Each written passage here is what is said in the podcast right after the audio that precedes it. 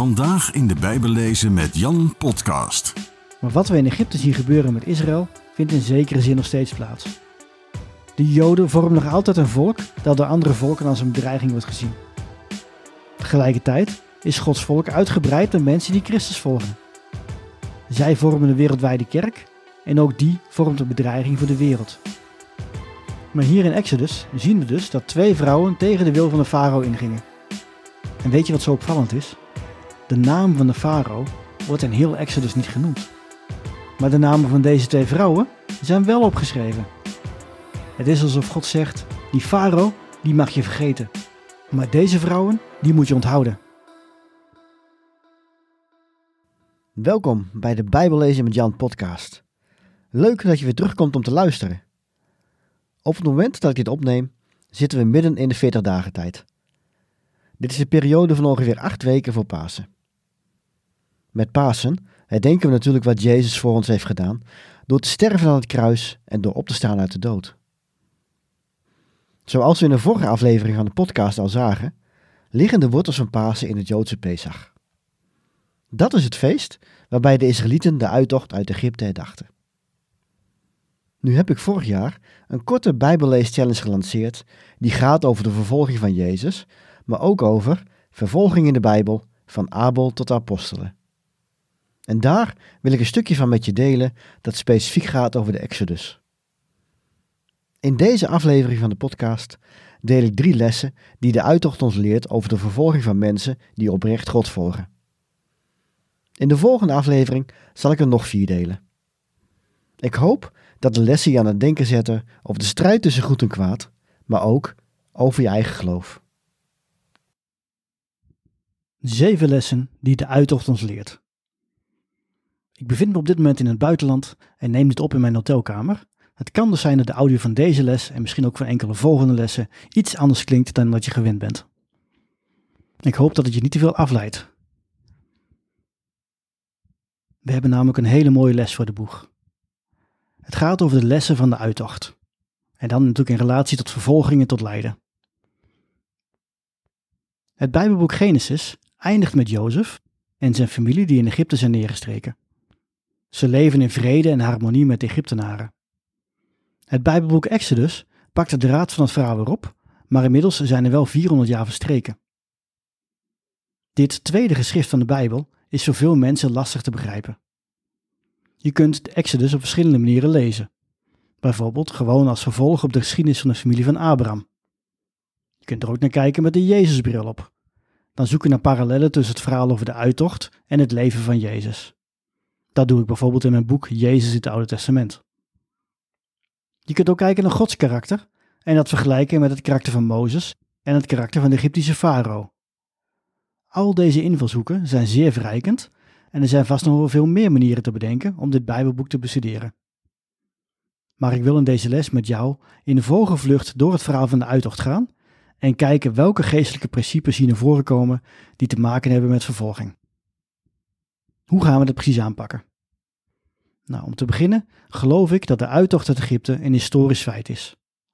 Er zijn ook veel bewijzen voor.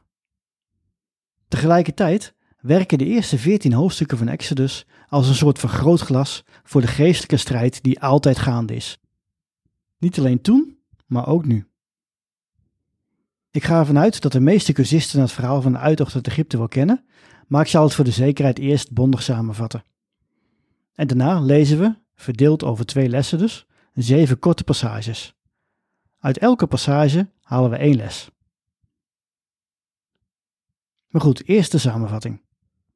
Zoals gezegd begint Exodus zo'n 400 jaar na de dood van Jozef. Dit moet ongeveer de 15e eeuw voor Christus zijn geweest. God had zijn belofte gehouden. Het nageslacht van Abraham en Sarah was inmiddels uitgegroeid tot een groot volk. Hij had ook beloofd dat Israël in Canaan zou gaan wonen, maar ze wonen dus nog steeds in Egypte. Overigens had God aan Abraham in een droom voorspeld dat zijn nakomelingen zouden lijden in slavernij. Nu waren de Egyptenaren bang geworden voor het grote volk dat in hun midden woonde. En omdat ze zich bedreigd voelden, maakten ze slaven van hen. Bovendien gaf een van de latere farao's opdracht om alle pasgeboren jongetjes om het leven te brengen, zodat het volk niet nog groter zou worden. Maar God zag echter naar zijn volk om. Hij liet een verlosser geboren worden die aan deze kindermoord ontsnapte. Dit kind heette Mozes. Hij was zowel slaaf als koning, want hij was een Hebreeër, maar groeide op aan het hof van de farao. Toch vergat hij zijn afkomst niet en hij vond het verschrikkelijk dat de Israëlieten zo moesten lijden. Op een dag sloeg hij een Egyptische bewaker dood en moest hij vluchten. Na veertig jaar bij een woestijnvolk te hebben geleefd, verscheen God aan hem. En hij gaf Mozes de opdracht om terug te keren naar Egypte. Daar moest hij aan de farao de opdracht geven om Israël te laten gaan. Maar de farao weigerde en daarom liet God het rampen regenen. Tien in totaal. En bij de tiende ramp werden alle eerstgeborenen gedood, behalve in de huizen waarvan de deurposten waren besmeerd met het bloed van een lammetje. Na deze laatste plaag mocht Israël eindelijk vertrekken. Het duurde echter niet lang of de farao kreeg spijt. Hij zette met zijn leger de achtervolging in. God opende het water voor zijn volk, zodat ze aan de farao konden ontsnappen. Diens soldaten verdronken en Israël was bevrijd van de slavernij. Oké, laten we nu aan de hand van enkele Bijbelteksten gaan kijken naar wat ons dit leert over de vervolging van Gods kinderen. Ik zal steeds eerst de les noemen, dan lezen we een Bijbeltekst en vervolgens geef ik er uitleg bij. Om deze overdenking dus niet te lang te maken, splitsen we ons op in tweeën. Dus morgen krijgen we het vervolg. De eerste les. Er is een strijd gaande tegen Gods volk. Exodus 1, de versen 8 tot en met 16. Er kwam in Egypte een nieuwe koning aan de macht, die Jozef niet gekend had. Hij zei tegen zijn volk: De Israëlieten zijn te sterk voor ons en te talrijk. Laten we verstandig handelen en voorkomen dat dit volk nog groter wordt. Want stel dat er oorlog uitbreekt en zij zich aansluiten bij onze vijanden, de strijd tegen ons aanbinden en uit het land wegtrekken. Er werden slavendrijvers aangesteld die de Israëlieten tot zware arbeid dwongen. Ze moesten voor de farao de voorraadsteden Python en Ramesses bouwen. Maar hoe meer de Israëlieten onderdrukt werden, des te talrijker werden ze. Ze breidden zich zo sterk uit dat de Egyptenaren een afkeer van hen kregen. Daarom beulden ze hen af en maakten ze hun het leven ondraaglijk met zwaar werk. Ze moesten stenen maken van klei en op het land werken, en ze werden voortdurend mishandeld. Bovendien gelastte de koning van Egypte de Hebreeuwse vroedvrouwen, Sifra en Pua geheten, het volgende. Als u de Hebreeuwse vrouwen bij de bevalling helpt, let dan goed op het geslacht van het kind. Als het een jongen is, moeten we hem doden. Is het een meisje, dan mag ze blijven leven. Tot zover deze Bijbeltekst. Ik geloof niet dat de kerk van vandaag de dag één op één de plaats heeft ingenomen van Israël. God heeft aan de nakomelingen van Abraham specifieke beloftes gedaan en heeft een speciaal plan met hen. Ik moet eerlijk bekennen dat ik geen Israël-kenner ben wat dat betreft, al geloof ik wel dat ook een Jood zich tot Christus moet bekeren om gered te worden. Maar wat we in Egypte zien gebeuren met Israël, vindt in zekere zin nog steeds plaats. De Joden vormen nog altijd een volk dat door andere volken als een bedreiging wordt gezien. Tegelijkertijd is Gods volk uitgebreid met mensen die Christus volgen. Zij vormen de wereldwijde kerk en ook die vormt een bedreiging voor de wereld. Zoals we in de module over de vervolging van Jezus zagen, sprak hij hier uitgebreid over. Maar laten we naar de tweede les gaan. Kinderen van God luisteren niet naar een misdadige overheid. Exodus 1, de versen 17 tot en met 22. Maar de vroedvrouwen hadden ontzag voor God en deden niet wat de koning van Egypte hun had opgedragen. Ze lieten de jongetjes in leven. Daarom ontbood de koning de vroedvrouwen. Wat heeft dit te betekenen? vroeg hij hen. Waarom laat u de jongens in leven? De vroedvrouwen antwoordde de farao: De Hebreeuwse vrouwen zijn anders dan de Egyptische. Ze zijn zo sterk dat ze hun kind al gebaard hebben voordat de vroedvrouw er is. God zegende het werk van de vroedvrouwen, zodat het volk zich sterk uitbreidde. En omdat de vroedvrouwen ontzag voor God hadden, schonk hij ook in hen nakomelingen. Toen gaf de farao en heel zijn volk het bevel om alle jongens die geboren werden in de Nijl te gooien. De meisjes mochten in leven blijven. Tot zover deze Bijbeltekst. Als de farao symbool staat voor vele machthebbers van deze wereld en Israël voor de wereldwijde kerk, dan zien we dus dat we niet altijd naar de overheid hoeven te luisteren. Paulus zegt in zijn brief aan de Romeinen dat we dit wel moeten doen, maar die brief is in een bepaalde context geschreven en zijn opmerkingen over het gehoorzaam zijn aan de leiders van het land moet in die context worden gelezen. Bij een latere module over de brief van de Romeinen komen we hier uitgebreid op terug. Maar hier in Exodus zien we dus dat twee vrouwen tegen de wil van de farao ingingen. En weet je wat zo opvallend is? De naam van de farao wordt in heel Exodus niet genoemd. Maar de namen van deze twee vrouwen zijn wel opgeschreven. Het is alsof God zegt: die farao, die mag je vergeten. Maar deze vrouwen, die moet je onthouden. God laat bovendien zien hoe moedig en hoe vindingrijk ze zijn. Jezus zou laten spreken over zo onschuldig zijn als een duif en zo listig als een slang. Dat waren deze vrouwen. En wij, christenen, mogen net als zij vertrouwen op Gods wijsheid. Maar waarom gehoorzamen deze vroedvrouwen de farao eigenlijk niet? Omdat deze Egyptische machthebber een misdadige opdracht geeft. Gods bevel gaat boven het aardse bevel uit. God wil niet dat baby's worden gedood. Als de overheid dit soort wetten uitvaardigt, of als de overheid de kerk vervolgt, dan hoeft de regering dus niet in alles te gehoorzamen.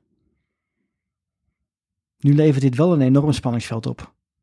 Dat zien we ook in het Nieuwe Testament. Want waarom zouden christenen überhaupt de overheid vertrouwen en doen wat zij zegt? Dit is precies waarom Paulus de christenen in Rome waarschuwt om wel hun burgerplicht te blijven doen.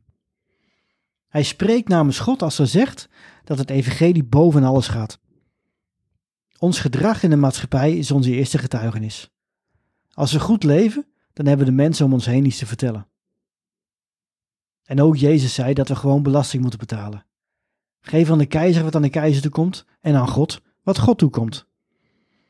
We eren dus het gezag boven ons, totdat een kritieke grens wordt overschreden. Wat die kritieke grens is, dat is wel weer een grijs gebied en christenen kunnen hierover mening verschillen. Neem als voorbeeld de corona-vaccinatiecampagnes van begin jaren 20. De ene christen kwam in gewetensnood door zich te laten vaccineren, de andere juist door het niet te doen. In dat soort gevallen moet je de ander niet aanvallen, zegt de Bijbel. Lees 1 Corinthians 8 maar eens. Het gaat wel over een andere kwestie. Het gaat over de vraag of je wel of geen vlees mag eten dat mogelijk aan afgoden is geofferd. De een heeft daar geen moeite mee en de ander kan het niet rijmen met zijn geweten. En dan zegt Paulus tot beide groepen: Maar let erop dat de vrijheid die u hebt geen struikelblok wordt voor de zwakken onder u. Wanneer namelijk iemand met een zwak geweten ziet dat u, met uw kennis, in een afgoden tempel deelneemt aan een maaltijd, wordt hij er niet toe aangemoedigd dat offervlees te eten? Zo gaat de zwakke door uw kennis verloren, een broeder of zuster voor wie Christus is gestorven. Op die manier zondigt u tegen hen. En door een zwakke geweten te ondermijnen, zondigt u tegen Christus. Als ik dus, door vlees te eten, mijn broeder of zuster ten val breng, wil ik het nooit of ten nimmer meer eten. Dan breng ik hen niet te val. Tot zover deze korte Bijbeltekst. Wellicht is dit iets om over na te denken in deze tijd waarin mensen, en ook christenen, elkaar vaak aanvallen. Maar wij gaan nu verder met Exodus. De derde les. God ziet, hoort en voelt het leed. Mozes is dus gevlucht nadat hij een Egyptenaar heeft doodgeslagen. En dan zegt de Bijbel dit. Jaren gingen voorbij en de koning van Egypte stierf, maar de Israëlieten gingen nog altijd onder dwangarbeid gebukt. Ze klaagden luid en hun hulpgroep steeg op naar God. God hoorde hun jammerkreten en dacht aan het verbond dat hij met Abraham, Isaac en Jacob had gesloten. Hij zag hoe de Israëlieten leden en trok zich hun lot aan. Vervolgens verschijnt God aan Mozes en dan zegt hij uiteindelijk: Ik heb gezien hoe ellendig mijn volk er in Egypte aan toe is. Ik heb hun jammerklachten over hun onderdrukkers gehoord. Ik weet hoe ze lijden. Daarom ben ik afgedaald om hen uit de macht van de Egyptenaren te bevrijden. En om hen uit Egypte naar een mooi en uitgestrekt land te brengen. Een land dat overvloeit van melk en honing. Het gebied van de Canaanieten, de Hethieten, Amorieten, Perizieten, Giwieten en Jebusieten. De jammerklacht van de Israëlieten is tot mij doorgedrongen en ik heb gezien hoe wreed de Egyptenaren hen onderdrukken. Tot zover de Bijbeltekst uit Exodus. In het tweede vers van Genesis wordt ons verteld dat de geest van God boven de oervloed zweefde. Het Hebreeuwse woord dat hier wordt gebruikt duidt op een arend die boven haar nest cirkelt om haar kinderen in de gaten te houden. Exodus roept hetzelfde beeld op. God komt dichtbij en ziet wat zijn kinderen overkomt. Hij hoort hun roepen om hulp. En ik durf zelfs te stellen dat God het leed niet alleen ziet en hoort, maar het ook voelt. Maar wist God dan niet dat zijn volk tot slaaf was gemaakt? Was er soms even een paar eeuwen weg geweest? Natuurlijk is dat niet het geval. Maar de Bijbel zoekt naar woorden om te omschrijven wie God is. En hier laat God in zijn woord zien dat hij om ons geeft, dat hij leed en onderdrukking ziet. En dat hij is gekomen om ons hieruit te redden. Dan kun je de vraag stellen, waarom wacht God dan soms zo lang? En dat is een vraag die in de Bijbel veel naar voren komt, maar eigenlijk nooit wordt beantwoord. Het is een feit dat God niet altijd direct ingrijpt en dat kan tot een geloofscrisis leiden. Toch is Hij dichtbij. Hoort Hij, ziet Hij en voelt Hij ons leed. Tot zover de eerste drie lessen die we uit Exodus kunnen halen over de strijd tegen Gods volk. De volgende keer kijken we naar de overige vier lessen. Maar voor nu mag je onthouden dat er ten eerste een geestelijke strijd gaande is tegen de kinderen van God. Ten tweede dat we de overheid moeten gehoorzamen, totdat hij rechtstreeks tegen Gods wil ingaat. En nogmaals, wees je van bewust dat er een grijs gebied is. En als derde en laatste, God hoort, ziet en voelt het leed van mensen.